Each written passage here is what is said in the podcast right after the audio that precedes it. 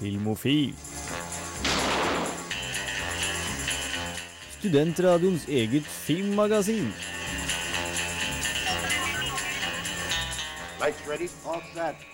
Cameras.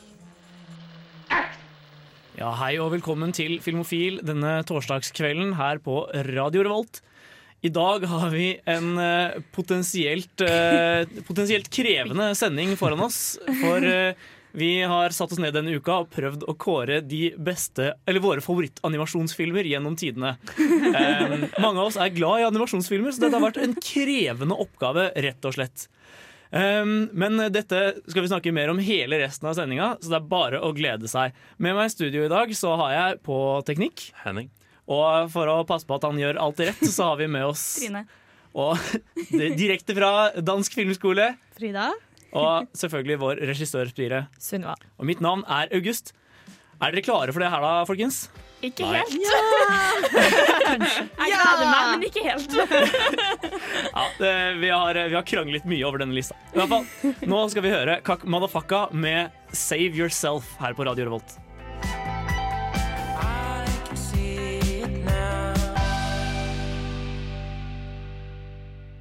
Ja, og her i Filmofil så kårer vi som sagt eh, våre favorittanimasjonsfilmer i kveld. Men uh, før vi går i gang med selve kåringa, så må vi jo nesten snakke litt om hvordan vi har gått uh, fram for å lage lista, samt litt uh, honorable mentions. For det har ikke vært en enkel prosess. Nei, vet du hva, det har det ikke. Blod, svette, tårer. Mye tårer. Fordi det, liksom, det starta jo med at eh, August skrev i den chatten vi har, at bare sånn OK, skal vi ha topp ti animerte filmer-sending, da? Og vi bare Ja, det gjør vi! Og så ta med litt eh, filmer og sånn til neste sending, så får vi se litt på hvordan vi skal sette det. Uff. Og gleden, den bare falt fra hverandre. Jeg tror ikke helt vi innså hvor stort prosjekt det egentlig var Nei. når vi sa ja til det. Nei. For Nei. Før så hadde vi jo lagd vår egen eh, topp ti-liste, og så har vi liksom miksa og litt sånn. Denne gangen her derimot så bestemte vi oss for hm, la oss sette oss ned sammen og diskutere hvilke filmer vi vil ha med, og hvor de skal plasseres hen. Det, det var ikke det smarteste å gjøre. Men vi, vi satt jo kanskje tre-fire timer på mandagen og gjorde klar en liste her. Ingen var fornøyd når vi for hjem. I alle fall ikke jeg. Nei, ikke sant.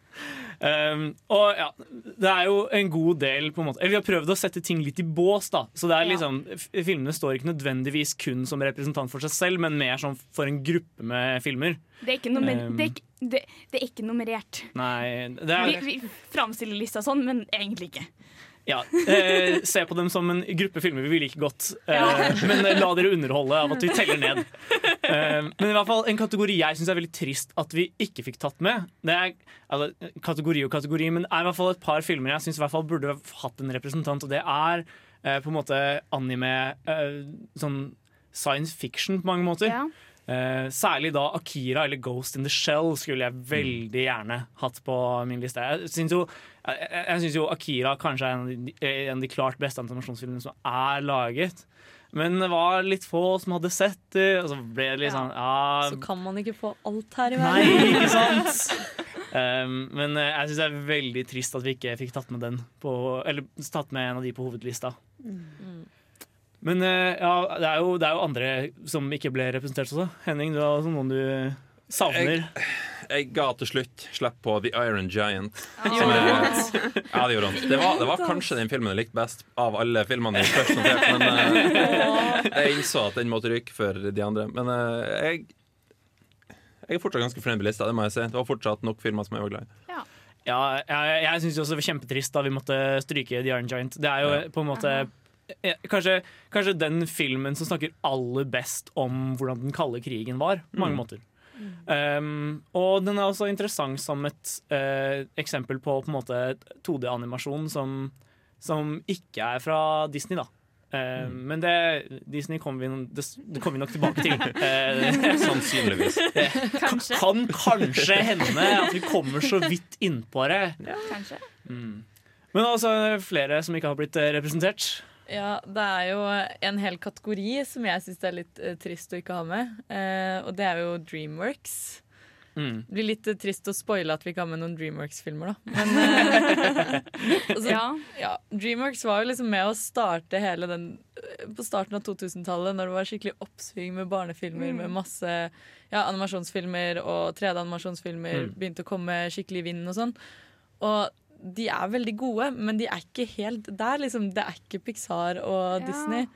Det er liksom Den kategorien så er jeg veldig lei meg for at vi ikke tok med prinsen av Egypt. Ja. Fordi den, Ja. den it's, it's so good. Mm. Er Eller sånn fra, stemning, flukten fra hønsegården også. Mm. Som syns jeg er skikkelig trist. Da.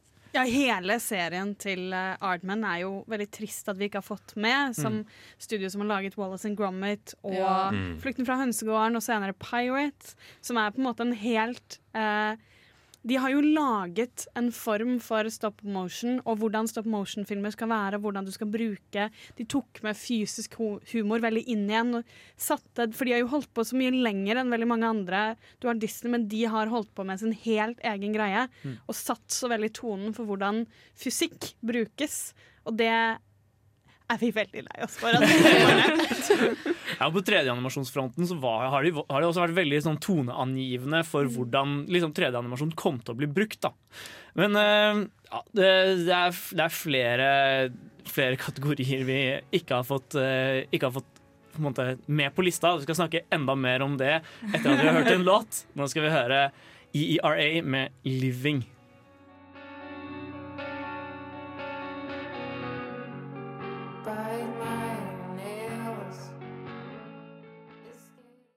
Ja, velkommen tilbake til Filmofil. Og nå skal vi snakke litt mer om ting som, eller filmer, eller kategorier med filmer som ikke kom med på vår topp ti-liste over tidenes beste animasjonsfilmer. For, eh, for eh, Frida, det var et par filmer eh, du savna også. Ja, jeg tenkte på en bolk med filmer som eh, jeg syns gjør noe veldig spesielt. Og det er animerte dokumentarer. Ja, Og da spesielt Walsh with Bashir og Persepolis er to filmer som absolutt fortjener å stå på enhver liste over beste animasjonsfilmer. Eh, og kanskje spesielt Walsh with Bashir er, eh, er veldig interessant fordi den er en ganske klassisk krigsdokumentar.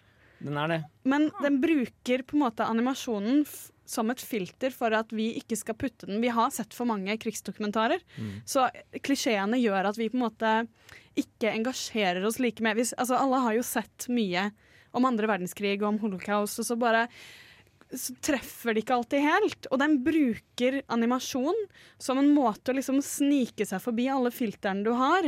Alle måtene du på en måte tror du skjønner hva som skal skje. Og så klarer den å fortelle historie, altså en historie om, et, om en massakre, rett og slett. På en måte som bare, som, bare treffer deg skikkelig. Ja, så er det en del ting de på en måte får mulighet til å gjøre i animasjonsmediet som de ikke kunne gjort med på en måte gjeninnspillinger eller sånne ting. Da. Mm. For eksempel en sekvens der eh, en, de er ute i en, ute i en sånn eh, fruktåker. Og en, et, et lite barn, en tiåring, skyter en RPG på tanksen deres, og de på en måte svarer, da. Og rett og slett skyter i stykker en tiåring. Og det er sånn du ikke kunne gjort i ordin, en ordinær dokumentarfilm. Um, og nei, det er, det, er, det er rett og slett en utrolig fascinerende film. Da. Uh, jeg har bare sett uh, Det er ikke samme regissør, men jeg har bare sett én selv, sånn animert uh, dokumentar. Og det er veldig sånn hvis de setter ting i ba tilbake i tid, så er det mye lettere å kunne gjøre det med animasjon, istedenfor at du sitter og ser på et bilde av en gammel mann med flosshatt, liksom. Så kan du eh, bruke animasjonen til å gå tilbake i tid, da. Ja. Men det er flere filmer som ikke har blitt representert. Vi har veldig dårlig tid. men men eh, Trine, du var jo kanskje den som led mest på klippegulvet til denne lista. Ja, jeg mista jo favorittfilmen min. Som er liksom Your Name, som kom ut i år i Norge og kom ut i fjor i Japan. Mm. Men det er bare Det er jo veldig mye ny animasjon som man ikke er helt sikker på kommer til å, å holde seg opp like bra. Så det var liksom Det var den, og så var det Kubo. Ja, som jeg Kubo var the Two veldig lei meg for at for. Og så Men det er, det er, Zootopia, da, for så vidt. ja. Det, er med, det er noe med å ha filmer på lista som vi kan stå for om ti år også. Som Ja. ikke på en måte er en selvfølge hvis man velger noe man så for første gang dette året. Eh, Så jeg er i hvert fall veldig skeptisk til å ta noe sånt ut. Men jeg er veldig eh, Jeg tror veldig på at om fem år kunne jeg satt Your Name på lista med stolthet. Jeg får, jeg får kauke litt mer om Your Name senere. Det kommer jo en en live action-versjon. Fy faen. så, så, så har vi årskavalkaden, så det går greit. Ja. Det går fint. Jeg tror ikke dette er det siste dere har hørt om Your Name på Filmofil, for å si det sånn. And on that note så tror jeg det er på tide å ta en låt. Vi skal høre Oslo Oscillator med 'Nothing To Lose' her på Radio Revolt.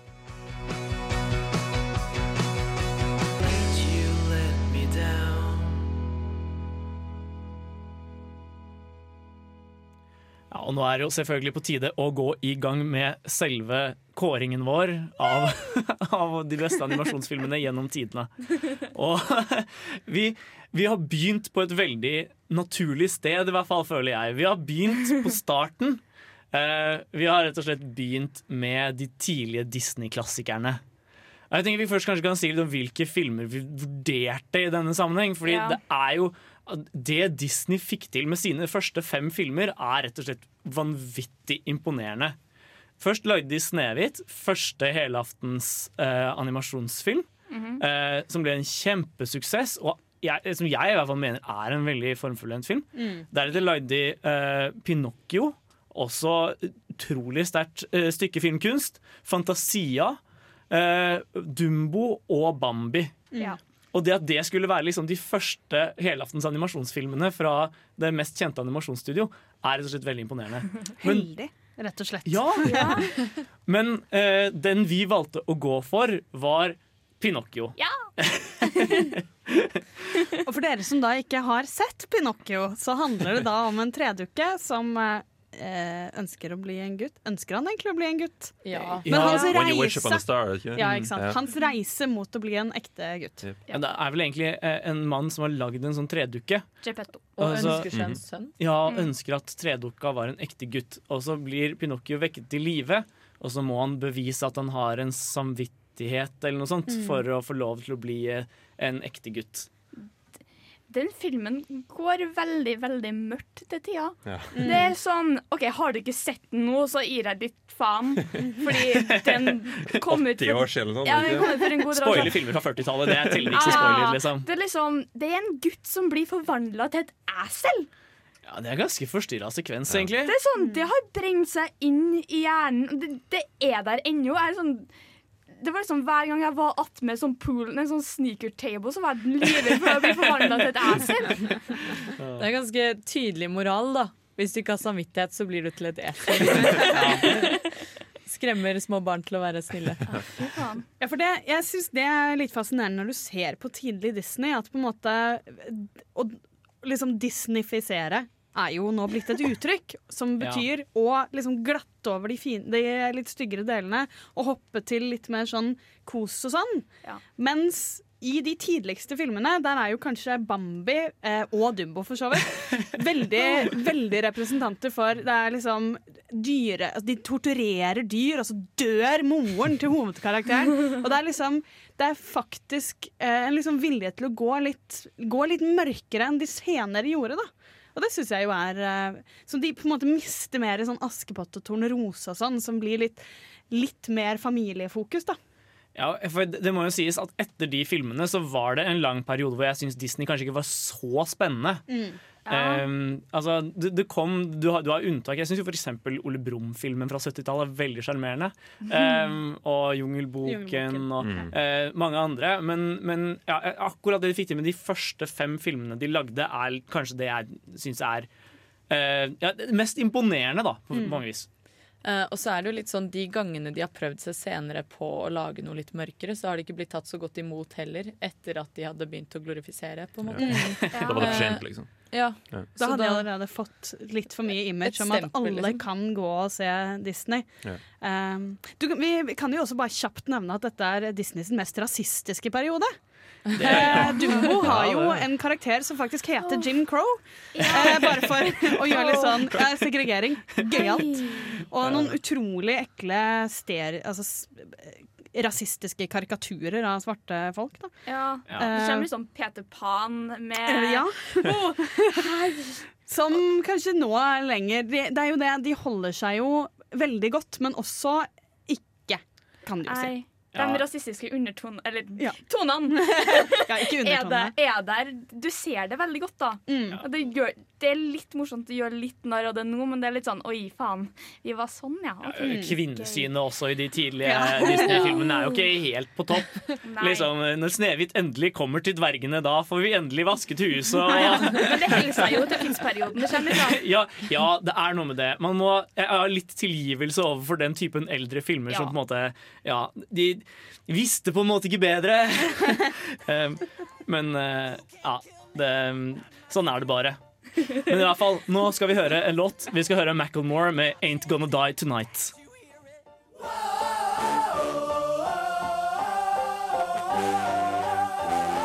For et program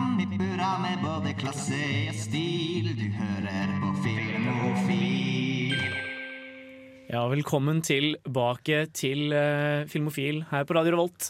Og uh, vi kårer jo i dag uh, våre favorittanimasjonsfilmer gjennom tidene.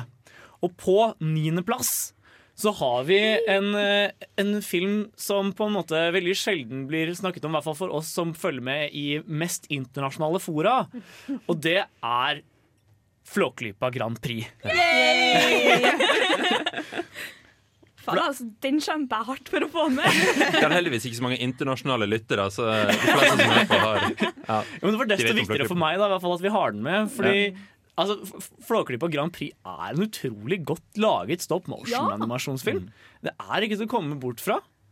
Uh, For meg så er det ikke bare selve filmen, men det er hele universet. Ja. De har skapt et så stort univers at liksom folk på vår alder eh, møter noen på vorspiel, og så begynner de å liksom imitere han TV-reporteren Ja, i akkurat det jeg skulle si. Ja. Akkurat det jeg skulle si. Alt er sjarmerende, rett og slett. Og den, ja, den er skikkelig quotable også. Ja, ja. Time vil show. Um, men uh, hvis noen mot formodning ikke har sett Flåklypa, Eller hørt om den. så kan vi kanskje si veldig kort hva den handler om. Ja. Det er rett og slett eh, Reodor Felgen, som er en oppfinner og sykkelreparatør, som bor, oppe ved, bor i Flåklypa oppe ved Tynset. Eh, sammen med et pinnsvin som heter Ludvig, og en eh, snakkende fugl som heter eh, Solan Gundersen. Er han en pingvin? Nei. Jeg lurer på om han kanskje er hakkespett Han er en hakkespett. Ja, Ja. ja, ja. Jeg så for meg det var ei and eller sånn. jeg. Et eller annet. En slags fugl. Eh, og de finner ut at eh, en tidligere lærling av Reodor har funnet opp en eh, eller har har stjålet en av Reodors eh, oppfinnelser, som gjør at eh, en racerbil går kjempefort og har blitt Formel 1-stjerne. Og eh, gjengen må da eh, bygge en tilsvarende innretning som han for å stille opp i det såkalte Flåklypa Grand Prix. eh, for, å, for å revansjere, da. eh, at, eller for å ta revansj over at eh, Blodstrupmoen, som den heter, har stjålet oppfinnelsen. Nå ble jeg glad for at du ga en recap, for jeg husker ikke plottet. Ser du den ikke hver jul? Tydeligvis ikke. Jeg, jeg, jeg føler jeg setter mer igjen med følelsen av filmen, ikke så mye plottet. Men det er liksom, de- den filmen her har jo faktisk inspirert noen ting i amerikanske filmer òg, da. Ja. Eller Lucas, George Lucas for det meste. Fordi i den første prequel Star Wars-filmen, Phantom Menace, så er den podracing-scenen er veldig Du ser at det er veldig basert på Flåklypa, for det er nesten akkurat det samme som skjer i racet, eh, podracet som skjer i racet på slutten av Flåklypa. Så det er veldig morsomt å tenke bare OK, George Lucas har satt seg ned og bare Den her skal jeg se, den her skal jeg ta ifra. Og det er jo faktisk en ganske kjent altså, Eller har vært det, fordi før 'Nightmare Before Christmas' så var dette den, eh, den eh, mest inntjenende stop motion-filmen noensinne. Wow. Så den har vært stor, og den har vært ganske viktig. Vi burde jo også nevne at den er bygget på da Kjell Aukrust sitt univers, og laget av Ivo Caprino. Og t altså, den er laget av fem mennesker, og de brukte tre og et halvt år på å fikse Altså på å lage hele filmen. Mm, Ivo Caprino var jo en veldig veldig god sånn stop motion-regissør. For liksom, jeg brukte å se på eller, ja, Å se på de der Asbjørnsen og Moe-fortellingene som ble liksom filmatisert av studioet hans. da. Mm. Så liksom, Det ligger så mye igjen, og det ligger så mye igjen i barndommen min, så jeg er liksom er veldig glad for at vi har med Flåklypa. Ja, og, altså, jeg selv er jo fra, fra Lillehammer, Og der har man et litt sånn ekstra spesielt forhold til hele Flåklypa-greia pga. Hundefossen familiepark. Som har liksom stjålet hele greia si fra Ivo Caprino sine filmer.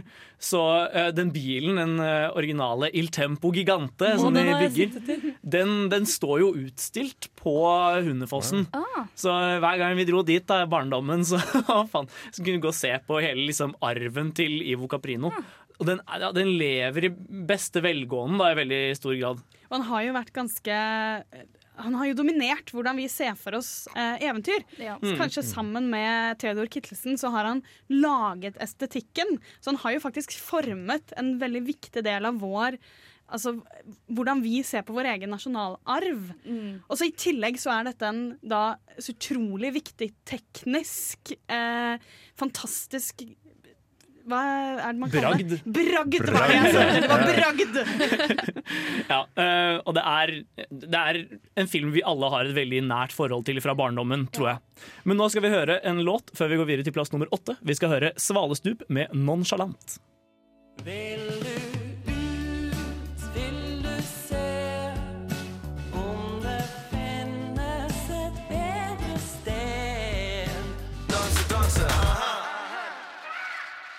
Ja, Der fikk dere akkurat Sara og Arash med 'Danse, danse'. Men nå må vi bevege oss videre på vår kåring av tidenes beste animasjonsfilmer. For eh, på åttendeplass så har vi valgt å eh, gi litt plass til, eh, til anime, rett og slett. Det er en viktig sjanger for mange av oss. Eh, og på åttendeplass har vi derfor satt Paprika. For, eh, for de som ikke vet det, så er Paprika filmen som inspirerte Inception. Ja. Eh, den, det, er, det er mange scener i Inception som er stjålet direkte fra Paprika. Ja, De har vel sett den og tenkt 'oi, kult, jeg òg', da.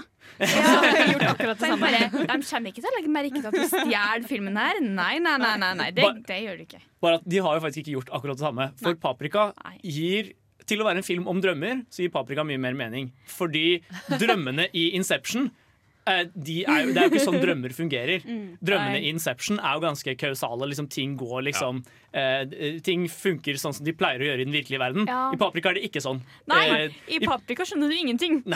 Altså, de har gjort, det er jo kanskje en av grunnene til eh, at man burde nevne så ofte man kan, at det er en, en film som faktisk eksperimenterer veldig mye med historielogikk. mm. Og på en måte, de har klart å mye mer lage en historie som du kjenner igjen som drømmeaktig. Selv om du ikke liksom kjenner igjen sånn ah, 'det var min drøm', der var noen naken', liksom.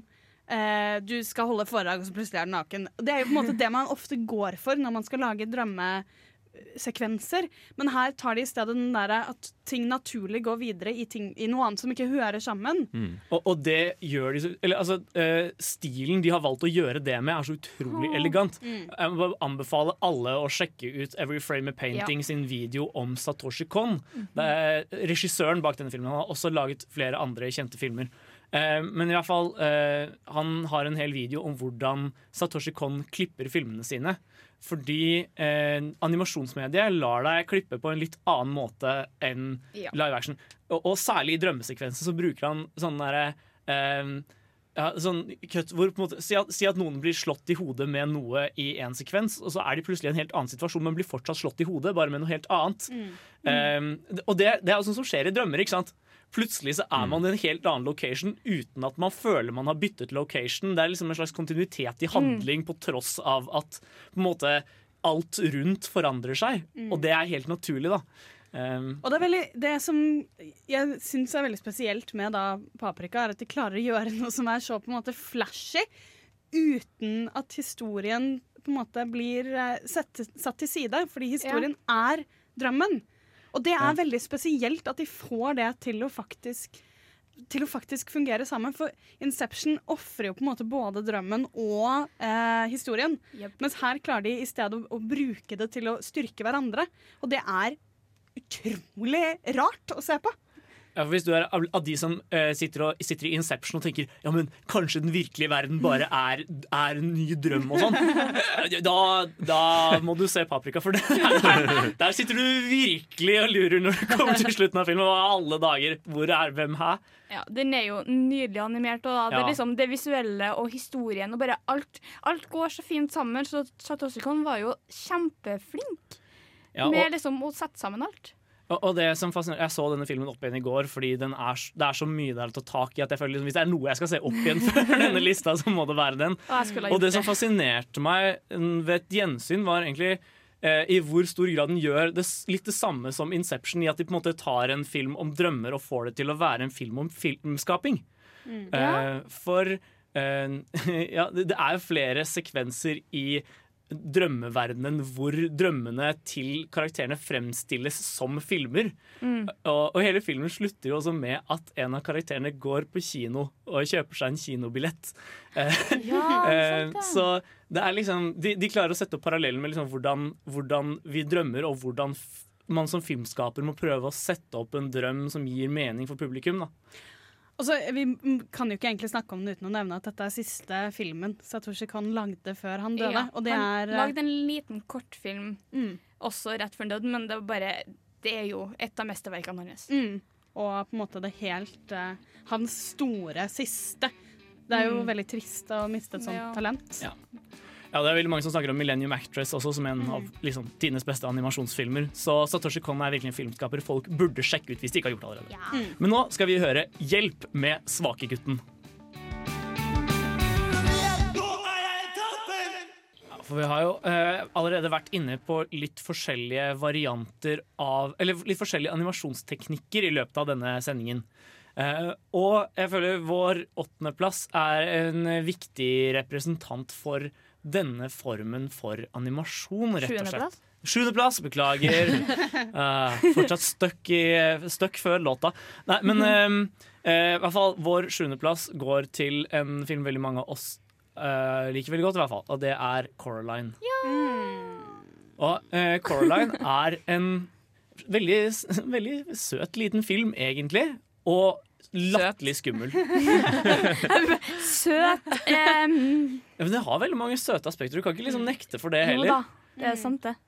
Og den hører jo til eh, den serien med filmer altså Mange har laget av da, samme regissør, eh, men litt sånn derre goth stop motion sammen med eh, 'Nightmare Before Christmas' og ja, Corpse Bride, ja. Corpse Bride. Mm. Og på en måte at å bruke den estetikken på en litt sånn der barnlig måte er eh, Det er noen filmer som gjør det, og den er kanskje den som bruker den aller best, syns jeg. Ja, jeg, jeg er egentlig helt enig i det. Um, A Nightmare Before Christmas var jo også en film vi hadde veldig oppe til diskusjon for Ja. hvorvidt skulle være med på Mm. lista. Men når det kom til stykket, så uh, var, det, var det på en måte uh, flertall for å heller ta Coraline, da. Ja. Um, for det, er jo, det er jo en uh, historie som er veldig inspirert av Alice in Wonderland, egentlig. Mm. Uh, det er en liten uh, ung jente som heter Coraline, som har flytta til et nytt sted sammen med foreldrene sine. Og foreldrene er veldig opptatt med å pusse opp huset og har ikke egentlig tid til henne.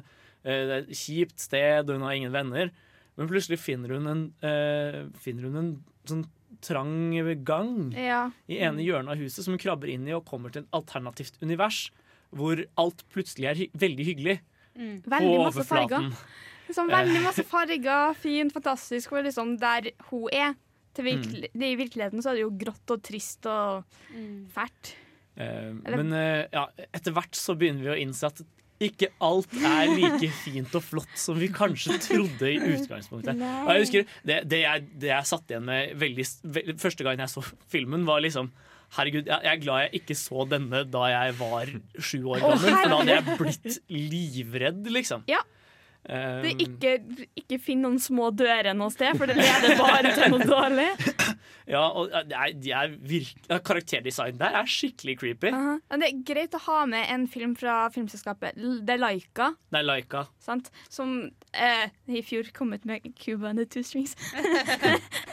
Men det er liksom Deres måte for stop motion da, er jo Det er skikkelig interessant å se på, for de, de, de gjør jo mye av det samme som de andre gjør, men det er sånn Det er Jeg føler veldig at den legger visuelt kjærlighet i vakkert. det. da. Ja, og, og og jeg tror altså de er blant de første som virkelig har naila den kombinasjonen av eh, stop motion-animasjon og Ja. eh, data, 3D-data-animasjon.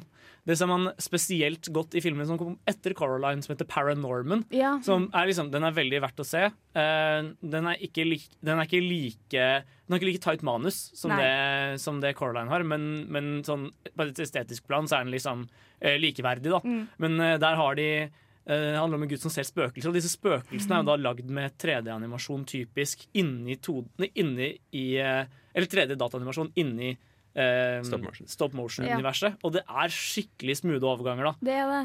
Um, Altså, jeg har jo også snakket om denne filmen eh, for lenge siden da vi snakket om 3D. For en ting den gjør veldig fint, det er at den, eh, den ble gitt ut i 3D. Og så fant den ut at hver gang du skal gå gjennom eh, denne døren mellom verdenene, så tenkte det er viktig at du måte får en følelse av det. Så det de gjorde, var å ta de to kameraene som man skyter 3D med, og så drar de dem litt fra hverandre. Sånn at når du sitter der og ser på, så blir plutselig hele perspektivet ditt helt, helt ute å kjøre. Og det blir litt dårlig, fordi du er vant til at ting skal gi mening. Så de klarte på en måte Jeg syns det er veldig spennende. Det er vel i samme eh, da gate som at de blander eh, faktisk stop motion med eh, mer digital. At de faktisk eksperimenterer mye med stil, og at det alltid handler om historien. Og det syns jeg Coraline er et veldig godt bilde på. At de bruker alle måte, verktøyene de har til å framheve den psykologiske historien de prøver å fortelle. Ja, det er et teknisk spørsmål. Når du trekker, når du trekker kameraet fra hverandre, så vil det jo skape en sånn dybdeeffekt, vil ikke? Mm. Som om bildet plutselig veldig langt, langt bort. Eh, ja, altså Det vil gjøre at perspektivet ditt at Som om øynene dine satt mye lenger fra hverandre. Så Ja, hjernen din klarer ikke helt la det gi mening, da er vel egentlig greia. Sånn at du blir litt forstyrret, Ikke rett og slett. ja. Så tekniske bragder der fra Laika. Men nå skal vi høre en låt. Vi skal høre Ari med 'Already There'. There was an avalanche. In it, I found something I once forgot. Ja, Der fikk dere Magic Potion med Rest Your Skull.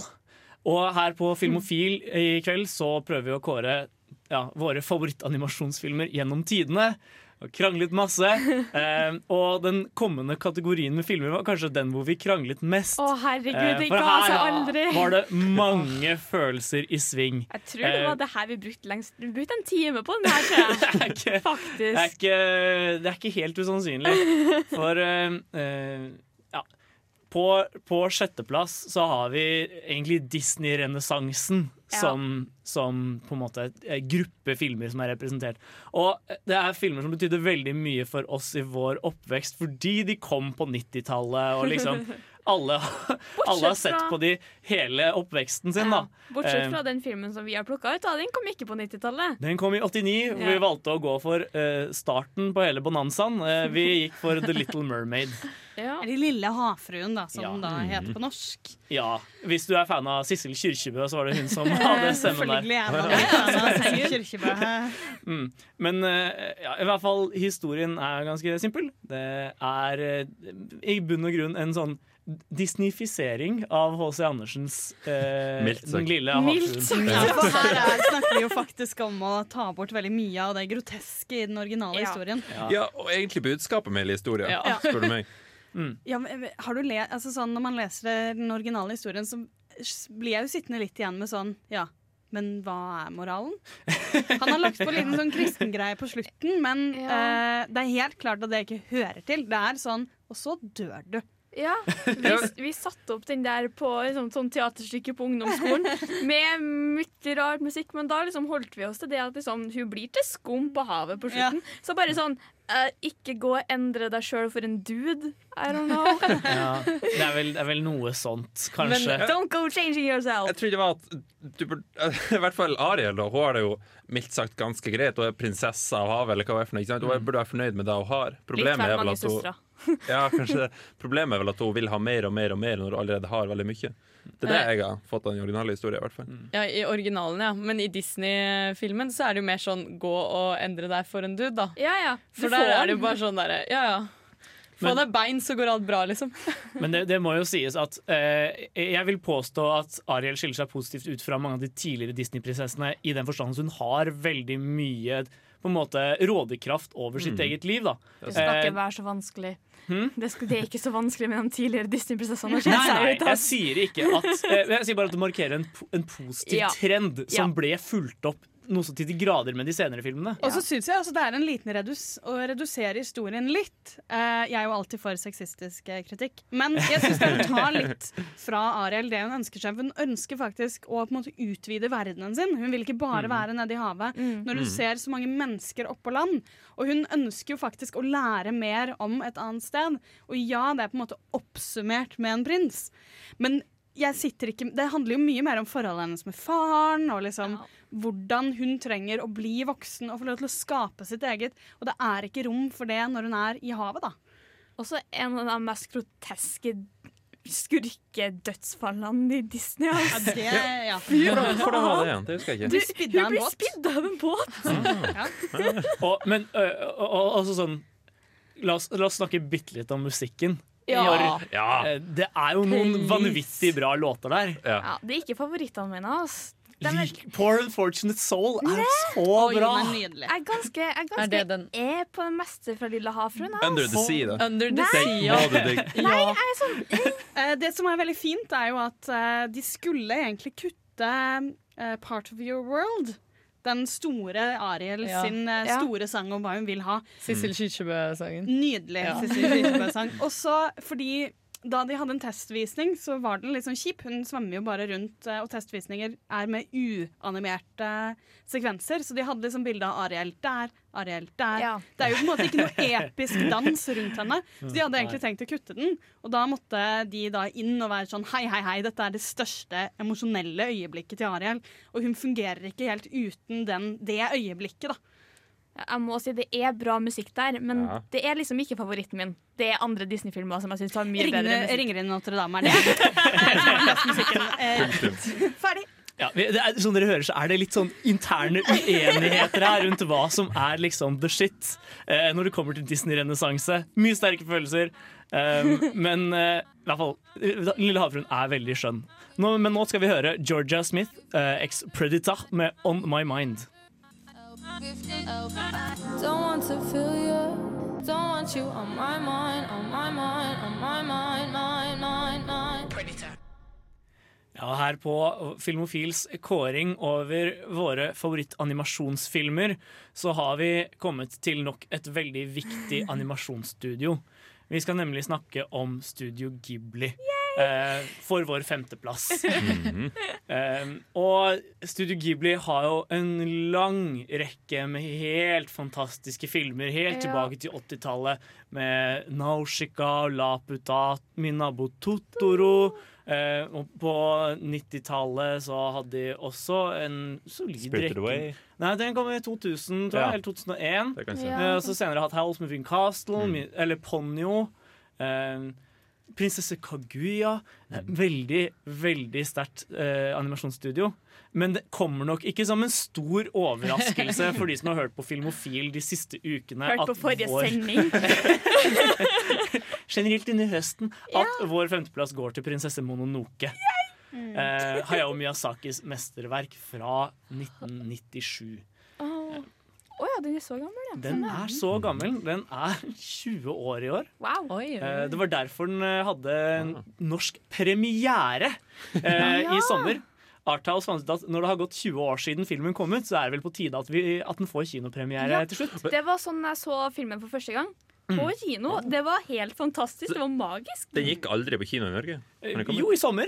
Jo, det I sommer. Wow, Ikke før. det ikke. Men det har vært senere utgivelser av de fleste filmene til Studio Ja. Ghibli. Ja. Eh, har på en måte kommet Og det er vel kanskje spesielt da etter eh, Shihiro-heksen eller Spirited Away, så fikk på en måte alle øynene opp Mm. for hvor fantastiske filmene er. Så da kom det jo en bølge av veldig mange av filmene fra Studio Ghibli, og spesielt eh, Miyazaki sine filmer, da. Ja. Og det har jo en sammenheng med, eh, med inter, eller, altså, det, har en, det har en internasjonal kontekst også, fordi eh, Studio Ghibli ble vel, er vel eid av Disney i disse dager, faktisk. Oh. Eh, og eh, John Lasseter, han som har på en måte regien eh, der i gården, han har vært veldig aktivt involvert i å få disse filmene dubba ut på det amerikanske markedet. Ja.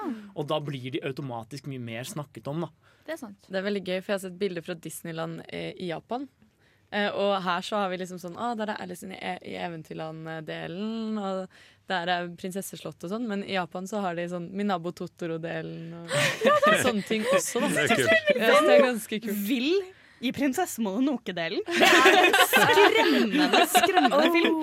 Jeg så den første gang på kino nå for to uker siden. For jeg så den på eh, en liten data første gang og tenkte ja, det var helt grei. Og så ser man den på, eh, på en, da, et kinolerret. Ja. Og det er jo en film som trenger litt størrelse. Det handler veldig om hvor stor naturen er. Mm. Og på en måte den liksom mørke delen av det veldig skumle av naturen. Og det trenger den der å få liksom folde ut det episke denne filmen er. Det er jo et mesterverk av en film. Da. Den ser jo så nydelig ut. Jeg har liksom lyst til å ha flesteparten av stillebildene på veggen min. Ja. Bare fylle opp alt. Jeg, jeg, kjøpte jo da jeg, var i, da jeg var i Japan i vår, så jeg, jeg har en kusine som er kjempefan av alt anime. Eh, alt japansk, egentlig. Og det, det jeg kjøpte med gave til henne, var rett og slett bare en bok med en del av skissene og stillbildene fra prinsesse Mononoke. Og det er så Altså, det er jo det er, Hvert enkelt av de er kunstverk, liksom, i seg selv. Eh, vi kan jo bare oppsummere for dere som fortsatt eh, ikke har sett 'Prinsesse Mononoke'. Så er det på en måte en, en lang meditasjon over konflikten mellom industrialisering og natur. Og hvordan skal mennesket egentlig leve i eh, liksom pakt med naturen, og hvordan skal balansen opprettholdes? Og den er utrolig kompleks i forhold til moralen sin. Og jeg føler jo at meditasjon kanskje er et litt misvisende ord, for det er helt klart altså det, det gir, kan gi assosiasjoner til litt sånn trege filmer.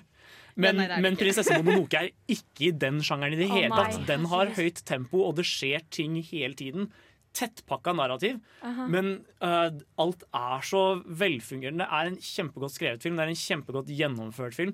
Eh, jeg hadde ikke hatt noe imot å ha 'Prinsesse Mononoke' på toppen av denne lista. Ikke heller. Ikke jeg heller. Hva jeg ønske at den var det. Men eh, vi, eh, vi har flere filmer eh, å snakke om senere, så altså ja, det, jeg, jeg tror eh, at, at den kom på femteplass, er liksom Ja, det, det, sånn ble det bare Den denne gangen. Det er egentlig ikke femteplass, da. rangering, så Det er ikke sant. Ja. Det er Så Uh, så vi tar ikke så tungt på det. Men uh, nå er det på tide å høre en låt. Vi skal høre Grizzly Bear med 'Cutout' her på Radio Revolt.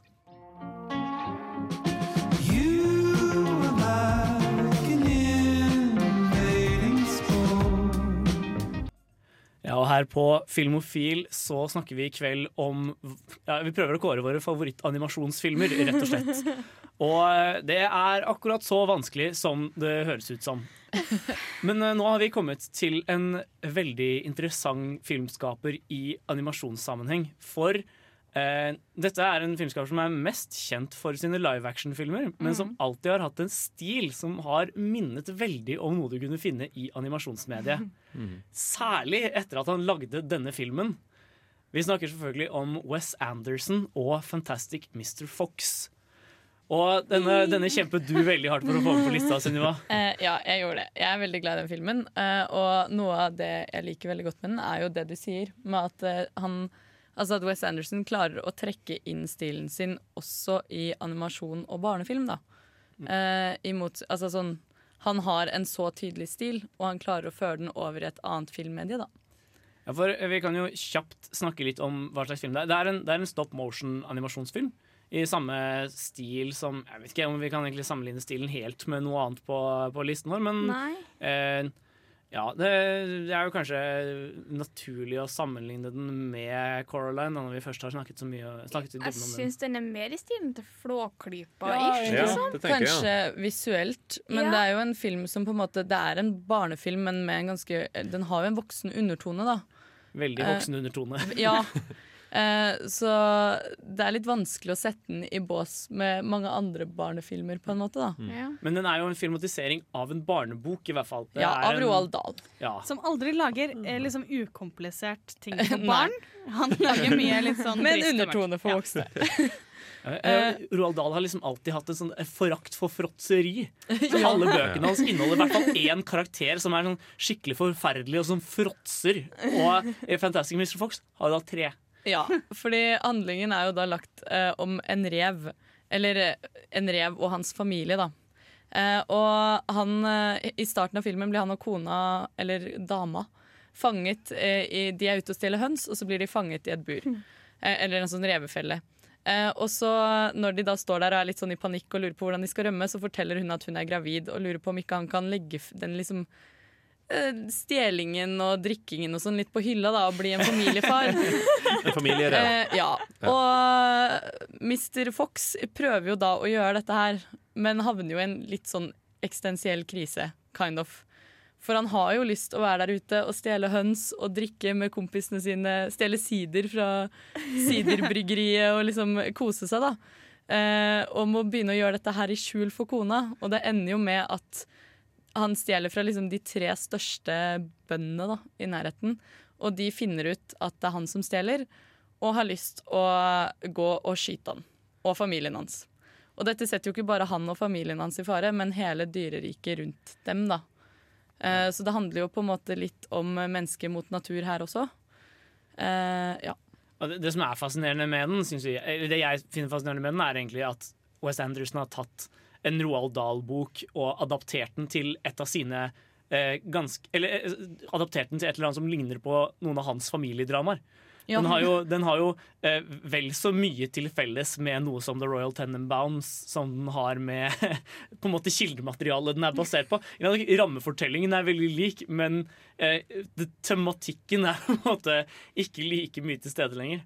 Og det er jo også vel første gang han adopterer et, eh, fra en bok. Wes Anderson har jo skrevet veldig mye av tingene sine selv med hjelp av andre. da. Eh, Så jeg syns det også er veldig interessant at han faktisk tar et, noen andres verk da, og så gjør det til så sitt eget. For du ser jo på den og tenker Wes Anderson. Altså, jeg vil bare også nevne med denne filmen en ting som jeg er veldig glad i og ønsker meg mer av i humor. Og det er jo at Wes Anderson i hele hans filmografi faktisk bruker veldig mye slapstick. Og det, er en ut, det er en skikkelig utskjelt form for humor. Men jeg, altså en, en godt, Et godt plassert bananskall ler jeg fortsatt veldig av. Ja. Og jeg syns han har Han klarer liksom å bruke eh, da veldig sånn fysisk humor fortsatt overraskende fortsatt liksom veve det inn i historien. Litt det der barnslige. Og det er vel det som gjør at denne barnefilmen kan være egentlig et sånn voksent familiedrama, men samtidig føles for, som om den passer for barn. da. Ja, fordi hvis du ser den som barn, så syns du jo på en måte bare at det er funny med den reven som eh, går rundt og stjeler eh, høns og sider, da. Men som voksen så er det faktisk en fortelling om altså, hvert fall, Jeg kjenner meg veldig igjen i Mr. Fox noen ganger, og den eksistensielle krisen han har. da. Eh, og på slutten, når han på en måte ordentlig gir slipp på det livet som eh, villdyr, da, så tar han et skikkelig valg. Ja, sorry. Den er litt for ny film til å spoile, sånn egentlig. Ikke. Det er ikke så farlig. Men eh, vi må ta en låt. Vi skal høre 'Brenn' med Picasso.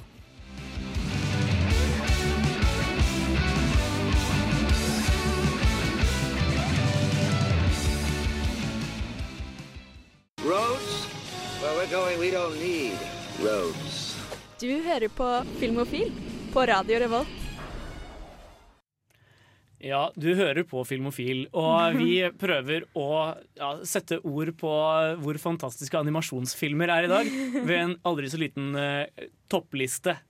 Og nå har vi kommet til den tredje siste filmen på lista. Um, og denne er, dette var jo dette er en av dine favoritter, Trine. Ja, det er min favoritt-Disney-film. Litt sånn kontroversielt å si det, men det er min favoritt-Disney-film. Skal jeg, Jeg synes det skal er jeg si det, eller? Selvfølgelig. Det er Lilo Stitch. som liksom kom fra den perioden når Disney prøver å være litt mer sånn eksperimentell på hva de gjør for noe. Ja, for det må jo sies. Eh, rundt, eller på 2000-tallet eh, fra 2000 til 2010 så hadde Disney veldig eksistensiell krise. Ja. Fordi eh, Pixar og Dreamworks kom og begynte å lage 3D-animasjon eh, på datamaskiner, og det var veldig vellykkede. Alle dro og så filmene deres på kino.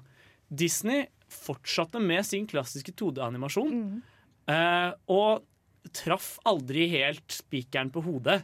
Eh, og det førte til at de begynte å bare prøve masse rart. Ja. Eh, noen ganger funka det veldig dårlig, sånn som i Kugjengen eller Min bror Bjørnen. Jeg tror ikke dårlig om min bror Det er helt greit å snakke stygt om min bror. Jeg, jeg forbeholder meg retten til å snakke stygt om min bror Bjørnen. Eh, meg retten Phil Collins som synger om laks, er ikke spennende. eh, men eh, eh, så plutselig i i, eh, men, men innimellom så traff de spikeren. Eh, Ja. Eller så traff de om ikke Noe annet. Ja, Noe, en god vegg. Ja. Men noe som de ikke hadde gjort før, Mm. rett og slett. Og et, et eksempel på det som vi må nevne, i den sammenheng er jo 'Kongeriket for en lama'. Som Ja! er en crazy bananas-film. Veldig høy underholdningsverdi. Eh, Virkelig. Kjemperar. Wacky hijinks. Men i hvert fall, eh, Lilo Stitch er jo etter min mening også det beste eksempelet på ting de fikk til i den perioden. Ja, fordi dem som ikke har sett Lilo Stitch, da, så handler det jo om ehm, Hjelp! For det å forklare handlinga i Lilo Stitch er litt sånn Det er et romvesen som har blitt laga, som plutselig kommer til jorda, og så er det to søstre som Har mista foreldrene sine. har mista foreldrene sine, og så er hun søs- storesøstera i fare for å miste lillesøstera til barnevernet. Så bestemmer de seg for at eh, det de må ha, er en hund. Ja. Uh, og de drar da på en kennel hvor denne Stitch har klart å gjemme seg bort, uh, dette, dette monsteret. Uh, og Lilo får da en et, rett og slett et romvesen som hun. Ja. Um, og må lære han å ikke være ond. Ja. ja, for han er laget som en drapsmaskin, det Ja. skal også sies. Og eh, hun yngste, altså Lilo, er jo litt rar. Eh, så på en måte Litt. Mildt sagt. Sleiker folk på armen og Ja. biter de litt. Og Det er liksom å få inn det der med at Lilo kanskje blir tatt av barnevernet. Og jeg la aldri merke til det når jeg var mindre. Jeg, liksom, jeg la aldri merke til den, den delen av filmen. Og så så jeg den igjen for et par år siden og satt liksom og hylgrein for bare Men faen, de kan jo ikke ta Lilo! De kan ikke, nei, men helvete heller! Faen! jeg så én scene på halvannet minutt forrige uke, og jeg satt og hylgrein. Ja.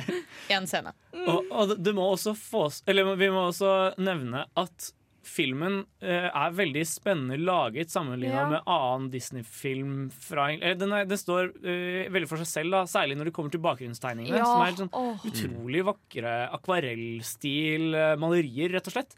Eh, og det er veldig uvant å se da i en Disney-film. Det var også sånn som jeg er blitt satt ut, av, satt ut av da jeg så den på nytt. Det må jo nevnes at det her eh, finnes det i Hawaii. Mm. Også. Så det er jo liksom Disney representerer litt andre sider enn bare Amerika.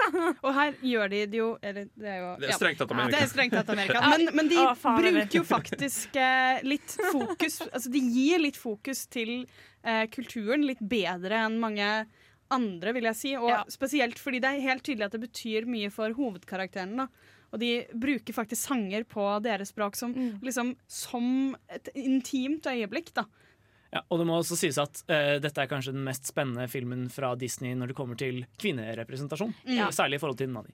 Men uh, nå er det på tide å ta en låt. Vi skal høre 'Death by Unga Bunga' med 'Into the Night'.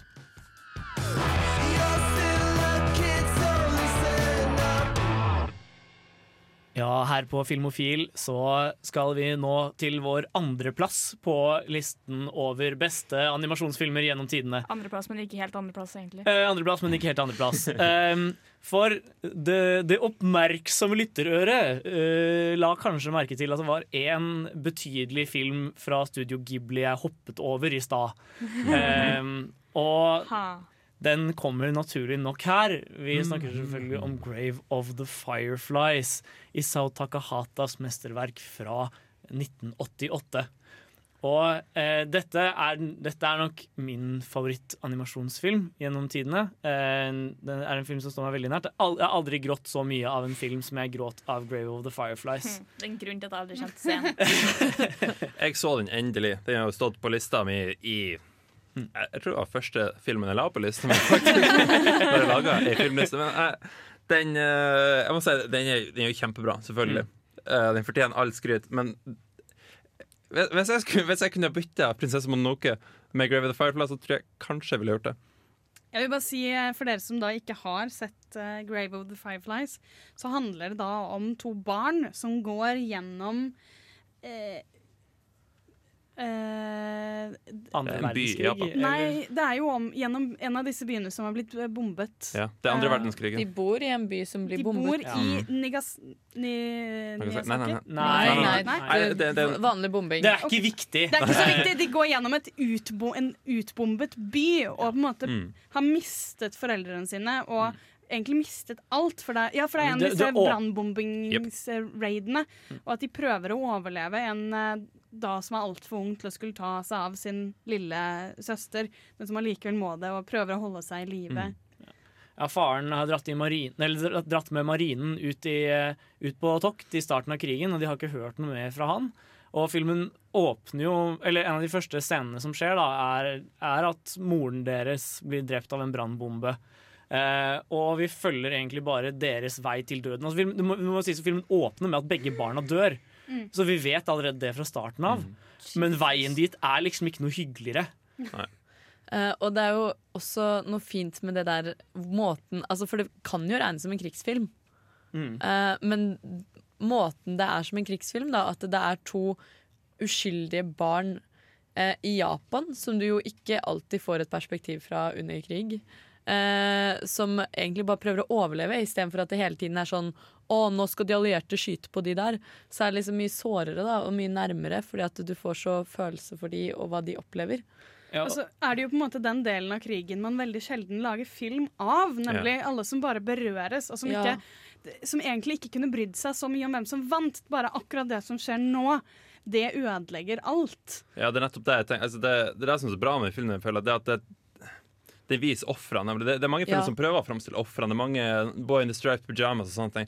Filmer som prøver å framstille ofre i film, men jeg syns denne filmen her gjorde det på en veldig, veldig bra måte. Jeg tror det, det den lyktes, ly- virkelig lykkes med, det er å ta det ned et hakk. Eh, Mm. Og på en måte bare, Ja. bare Droppe action, liksom. Ja, ja, ikke bare droppe action, men også bare, eh, også bare ta en liten historie og gjøre den, som et, gjøre den til et symbol på de mange. Heller enn å på en måte Sånn som, sånn som øh, Jeg vet ikke, øh, Schindlers liste da, er sånn film som blir for mye for meg. Fordi når de dreper så mange mennesker, så klarer jeg ikke på en måte å forholde meg til hvert enkelt individ. Men når lillesøstera i Grave of the Fireflies dør, da gråter jeg. Og da gråter jeg lenge. Eh, så det er, det, er at, det er noe med at de klarer å ta ja, slett ta det ned til et nivå hvor du virkelig klarer å kjenne på hvor katastrofalt krig er for enkeltskjebnene. Og så er det jo ikke engang en film som handler om en av liksom de store uh, Ja, det er vel der hvor f.eks. Schindlers liste handler jo om noe vi vet så godt er grusomt. Og eh, vi vet jo helt klart at bombing også er grusomt. Men det er noe med det der at det er ikke engang kjent. Det er ikke engang på en måte De var der hvor det skjedde. De var et av stedene. Og de dør i en av krigens siste måneder. Så det er liksom Herregud, kunne de bare overlevd disse to fiktive barna? Bare overlevd to måneder til? Det er litt sånn Anne Franks dagbok. Ja, veldig, ja. Ja, og, og, altså, det er noe med det du sier at Brannbombingen av Japan er et aspekt ved krigen vi snakker veldig lite om. Men det var vel så kataklysmisk som atombombene var. Altså Halve eh, Yokohama brant ned på én natt. Eh, han som slapp atombomben, for de som ikke Eller en av de som var eh, bak beskjeden, eh, eller som ga beskjed om å gjøre det, han sa at eh, han står for det, for det gjorde i hvert fall at de sluttet med disse brannbombingene. Og det var så mye verre. Og det er vel bare eh, dette, at man ikke kjenner den delen av historien i det hele tatt. Ja. Det er dessverre sånn. Nå skal vi høre 'Imitating Aeroplanes' med 'Stomping Round'. Will there ever come a time when perfect structures hit the ground? Ja, og nå har vi kommet til toppen av vår eh, kåring av tidenes beste animasjonsfilmer. Eh, for på førsteplass har vi eh, en representant for på en måte det studio alle har savnet i kveld, vil jeg tro. Rett. Eh, for vi må jo snakke om Pixar. Man Ja. kan ikke snakke om animasjonsfilm med vår generasjon i hvert fall, uten å snakke om Pixar. Eh, for snakk om en rekke av gode filmer. Altså, ja, det er helt sinnssykt når man ser på det. Hvor mange av filmene deres som faktisk blir stående som fortsatt skikkelig gode historier. Og hvis du tenker Disney, hvor mange år de har hatt, så er det ikke rart at vi sleit med å velge der. Men Pixar har jo ikke vært i så mange år. De har en så mye kortere historie enn Disney, og allikevel så sleit vi helt sjukt med å velge en film fra Pixar også. Men vi endte dog med å gå for på en måte filmen som begynte det hele, og hele dens, uh, hele dens saga. Ja. Eh, vi skal snakke om Toy Story. Ja. Um, for se, se, hvor godt vi enn liker både Oppdrag Nemo og De utrolige og Wall-E, for ikke å snakke om Monster Inc. Monsters Incorporated, Inside Out, så er det ikke til å komme bort fra at Toy Story er et monumentalt verk i animasjonsfilmverden. Ikke nok med at det var første 3D, helaftens 3D-animerte eller dataanimerte film. Um, men altså det, Serien har vært, har vært et veldig godt eksempel på utviklingen til 3D-animasjon som medium. Mm. Altså, bare for den første ser litt Altså, selv om historien i den første er veldig god, så har stilen blitt ganske datert. Mm. Hvis du derimot ser Toy Story 2, så er det plutselig kjempebra. Selv om den bare kom liksom fire år etterpå, så er det et hav av forskjell i kvalitet. Og det er så imponerende. Jeg tipper du ser budsjettet på Toy Story 1 og Toy Story 2 Men det er jo også en film som er veldig godt eksempel på oppfølgere som fungerer. da Ja, herregud. Eh, som klarer å følge aldersgruppen eh, som startet med å se på dem, men også være interessante for nye seere som er av den yngre garden enn oss. da Ja, og de- de har, de har vært veldig flinke til å på en måte bruke tematikk og tid på en fornuftig måte i forhold til hverandre. Da. Altså Toy Story 3 hadde ikke gitt mening hvis den hadde kommet i 2001. Nei. Men den kom ikke i 2001. De ventet i over ti år med å lage den. Og da den kom, så ga det mening. Og det savner jeg mange oppfølgere. Jeg må, jeg må også bare si at jeg syns det er veldig imponerende med et så altså, teknikkbasert eh, selskap. De er, de er jo hovedsakelig de som jobbet med å utvikle 3D-animasjon og har måttet skrive programmene sjøl og finne ut av hvordan man gjør det. Uh, men de har aldri ofret historie. Og som du sier at Toy Story 1 ser ikke like bra ut. Men man ser fortsatt Toy Story 1 fordi de har alltid fokusert på historien. Og der eh, var jo en annen som man nevner, men Inside Out har jo også Det er jo en veldig ny film, så vi kunne absolutt aldri valgt den. Men den er på en måte modig litt i moralen de velger å ha, noe som er Ja. veldig, veldig sjeldent. Det er ofte liksom framstilling eller tematikk, men her velger de at nei, men det vi ender på, det skal være en ting dere ikke har hørt så ofte før. I hvert fall ikke i barnefilm. Ja, det er, det er rett og slett kjempeimponerende å se på. Og særlig, særlig tatt i betraktning hvor fort de kom i gang med på en måte de komplekse tematikkene sine. Altså, eh, allerede liksom, eh, Toy Story har jo naturlig nok måte nostalgien og, og, og de tingene som, som tema. Og det får de til veldig godt. Men med Monsters Incorporated, som kom liksom allerede som fjerde filmen til, til studio, så begynner de å ta opp noe så komplekst som på en måte fremmedfrykt. Og jeg vil si at de gjør det på en kjempegod måte.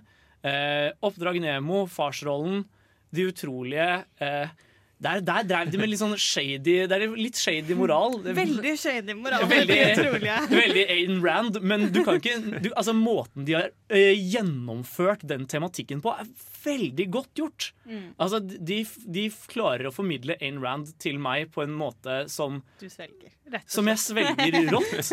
Selv som sosialist, liksom. Så eh, Nei, det er, det er rett og slett et vanvittig imponerende animasjonsstudio som listen vår ikke ville vært komplett uten. Og du må jo også ta med at ofte moralen deres er- handler veldig mye om å være progressiv, og det er veldig sjelden med barnefilm. Man er ofte litt sånn holder litt tilbake, og nei, vi holder på moralen som vi har gjort før. Og veldig mye Disney som vi har snakket om, er jo Når du ser på det, så er det alltid litt på en måte konservativt. Mens her så handler det så utrolig ofte om at man kan forandre seg, da. Eh, ja, eh, det skal jo komme en Toy Story 4 nå også. Jeg skjønner ikke hvorfor. Eh, jeg syns de kunne stoppet nå. Yep. Jeg er litt redd for det. da. Money, money. Jeg, jeg, jeg er også veldig nervøs for Pixars videre utvikling, for det har, man har sett svakhetstegn de siste årene. Ja. Med unntak av Inside Out så har det ikke kommet noe liksom Oppfølgere går ikke så bra for Pixar. Bortsett fra Toy Toy Story. Story. Bortsett fra Toy Story. Men jeg, jeg, jeg tror den kan gå litt, i, gå litt duken nå eh, også. Eh, men eh, æsj. Det er fortsatt et studio som har vært veldig viktig med å forme vår barndom, så det må være med på lista. Men nå skal vi høre Lance Ferguson med 2 pluss 1.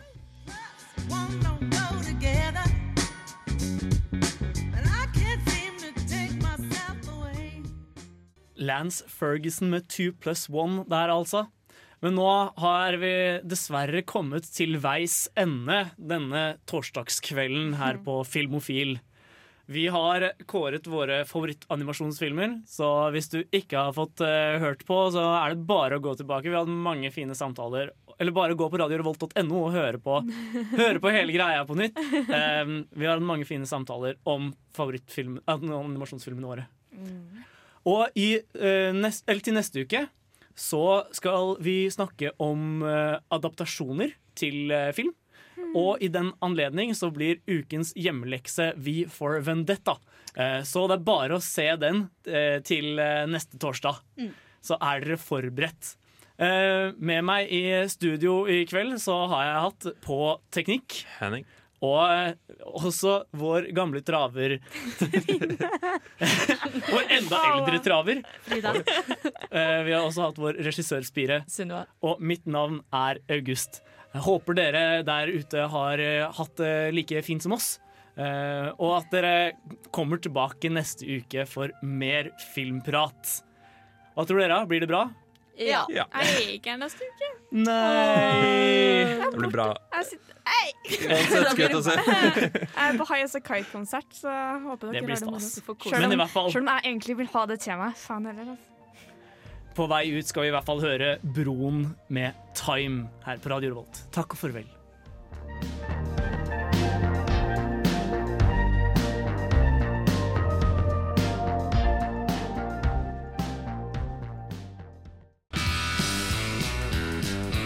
Du lyttet nettopp til en podkast fra Radio Revolt. For å høre flere av våre podkaster, gå inn på radiorevolt.no.